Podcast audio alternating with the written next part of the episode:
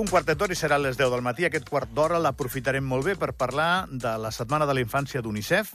A Ràdio Televisió d'Andorra, no només en aquest programa, hi trobareu diversos continguts. Ara parlarem de l'educació afectivo-sexual i de les conductes de risc en línia, que això, dit així tot seguit, eh, pot semblar un, no sé, pràcticament un enigma, però no, es pot desvetllar l'enigma i eh, se'n pot parlar. Al final, eh, totes aquestes situacions són situacions que les famílies amb criatures viuen eh, pràcticament cada dia.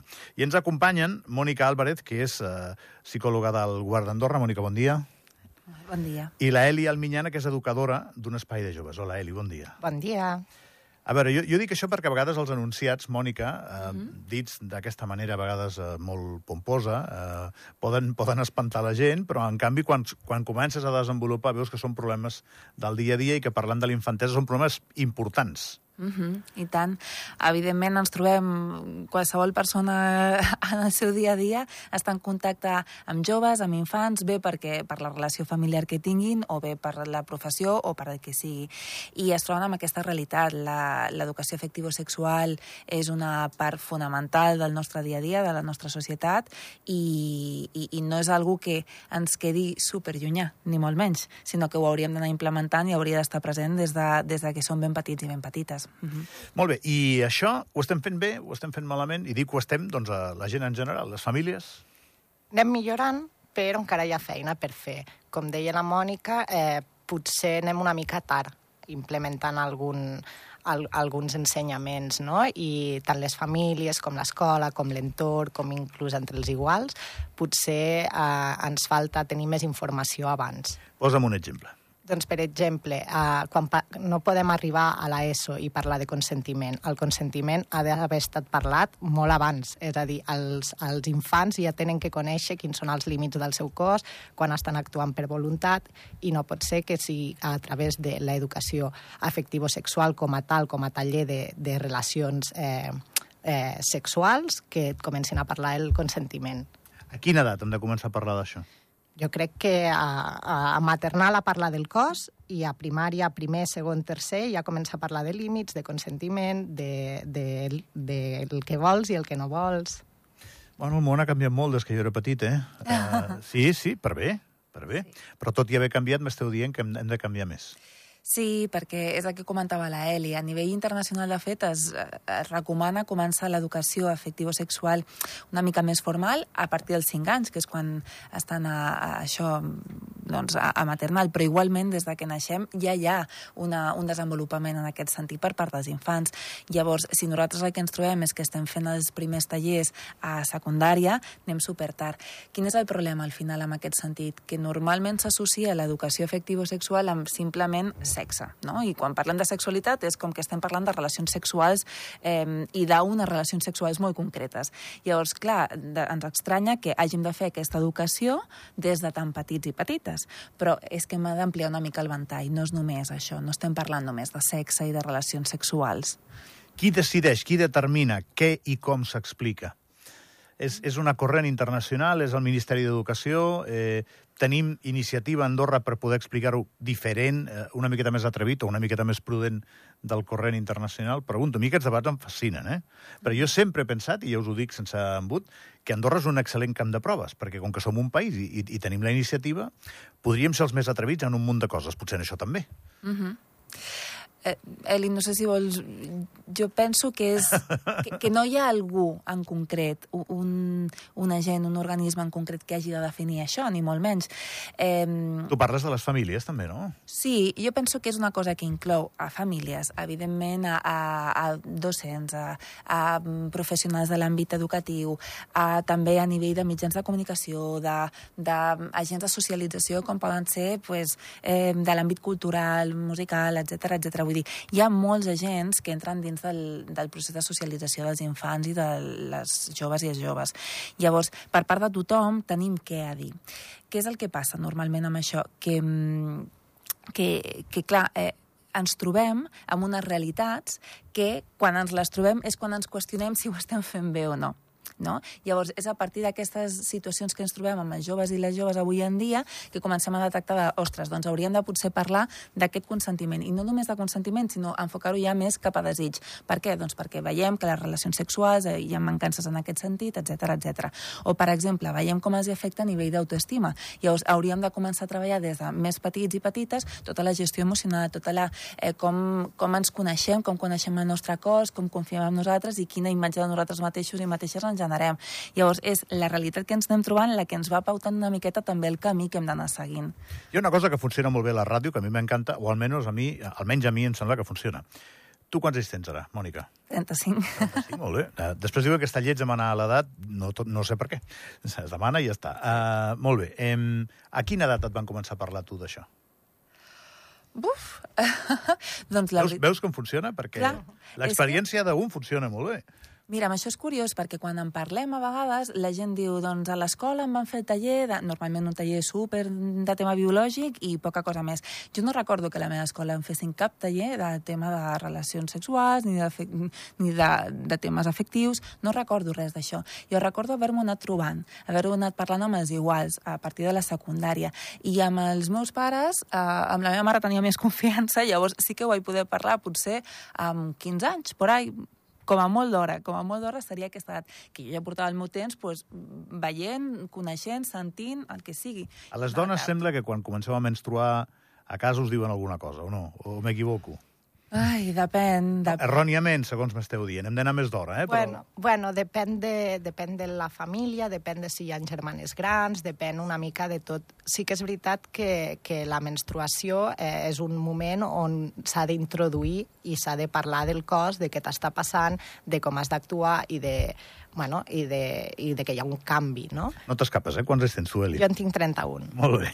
I a quina edat et van començar a parlar d'això? Bueno, jo sí que penso que a casa se me'n va parlar, eh, no d'una forma oberta i natural, vull dir, no era allò, bueno, ens sentem i parlem de sexe, però es naturalitzava i s'intentava parlar-ne, i després a l'escola, de fet, ahir al, al, al programa especial que vam fer vaig veure el Miqui de, de Consulta Jove. Miqui Ramon i, el, i, bueno, i va ser l'infermer que va venir a fer-nos els tallers però el recordo eh, molt, molt centrat amb, a nivell biologista i, a més a més, molt preocupat de la, de la reducció de riscos. És a dir, el que parlava la Mònica de on queda el desig, eh, com ens volem relacionar, com, com veig el meu cos, quina autoestima tinc en mi, no ho recordo d'un taller eh, afectivo-sexual. Sabeu que recordo jo?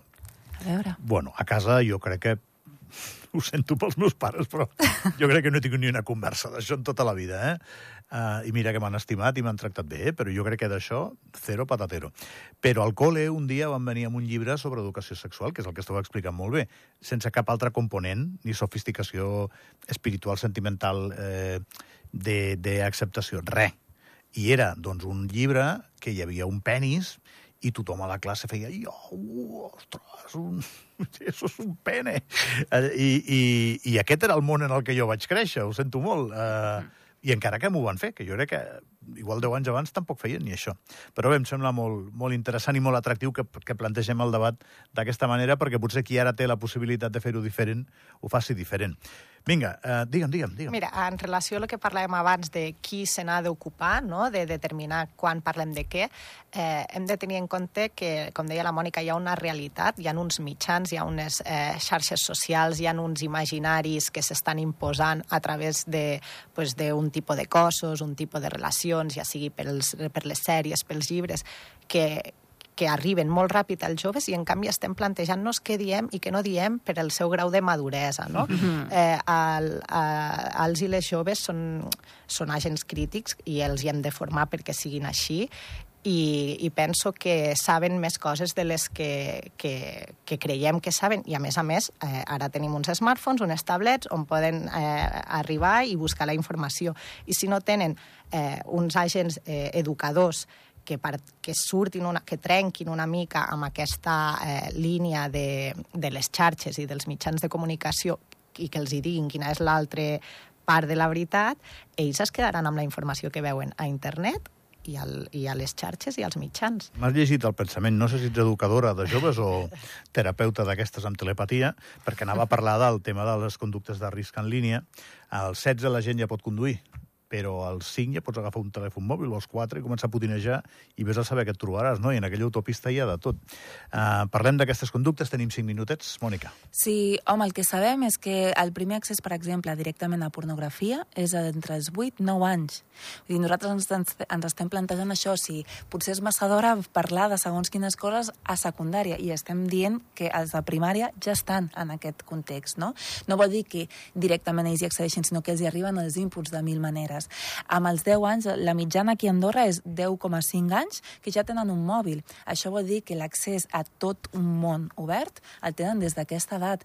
Eh, evidentment, hem de treballar amb ells que és el que, i amb elles que és el que es poden trobar aquí, perquè si no, la font d'educació de, i de descobriment serà aquesta, i serà una font molt sesgada, eh, molt amb determinats estereotips, amb una reproducció de determinades conductes de submissió, de desequilibri, equilibri en les relacions, que, que és el que incorporaran com a natural. Si no acompanyem això, anem perduts i perdudes. Mm. És a dir, ja hem de comptar que veuran pornografia. Per tant, sí. millor preparar-los pel que veuran que no dir no ho pots mirar. Mm. Perquè ho acabaran veient, no? Sí, prohibir no, no és la solució de res, perquè a més és que els hi arriba encara que no ho vulguin, no? I la pornografia en si, no està el problema en la pornografia en si, tot i que aquí ja pot haver-hi molt debat, perquè evidentment, bueno, ja sabem com és el sector, ja sabem quina, quins tipus de relacions s'hi reprodueixen o, o, tant per part de, de qui participa com per part del que, que s'actua, no?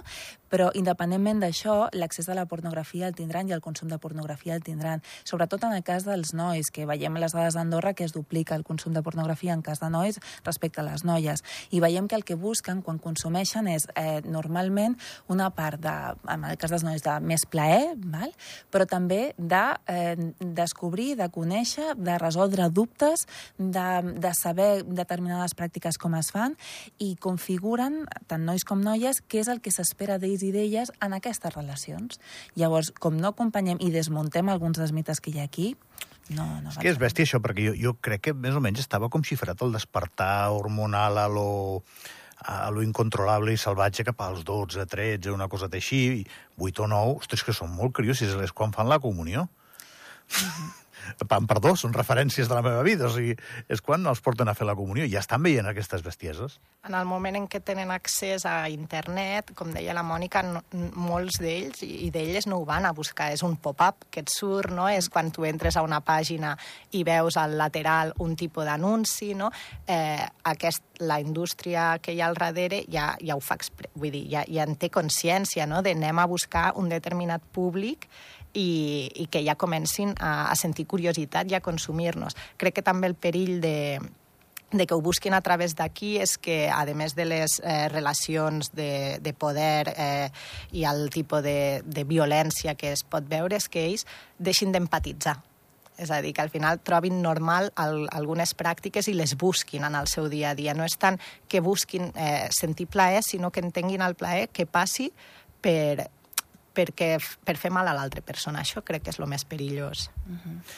Educació, educació, educació, educació. Sempre serà aquest un debat apassionant, eh? El que passa és que, com ens educaven abans, que ja ho feia tothom amb la millor voluntat, segur, perquè arribéssim a ser persones de bé, no? Ara no n'hi ha prou. Hi ha perills nous, eh? trampes noves, i al final les persones som les de sempre.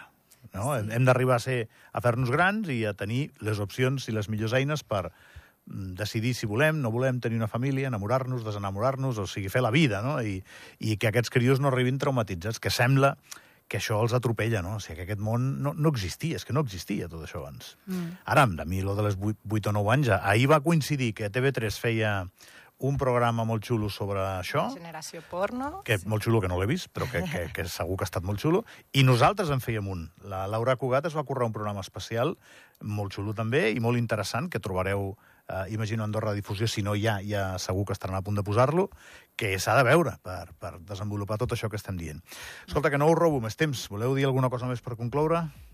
Bueno, jo només... Eh, quan parl... crec que és important que quan parlem d'educació de, afectivo-sexual eh, tinguem una mirada d'erradicació de les violències. És a dir, és important que quan estem tractant això ho fem amb una mirada més àmplia, com deia la Mònica, no centrar-nos només en les relacions sexuals, sinó que parlem de construir un món eh, on la igualtat i la no violència estigui present i ho fem a través de, la, de construir una autoestima, un, unes relacions saludables, eh, uns límits, i bueno, crec que és això.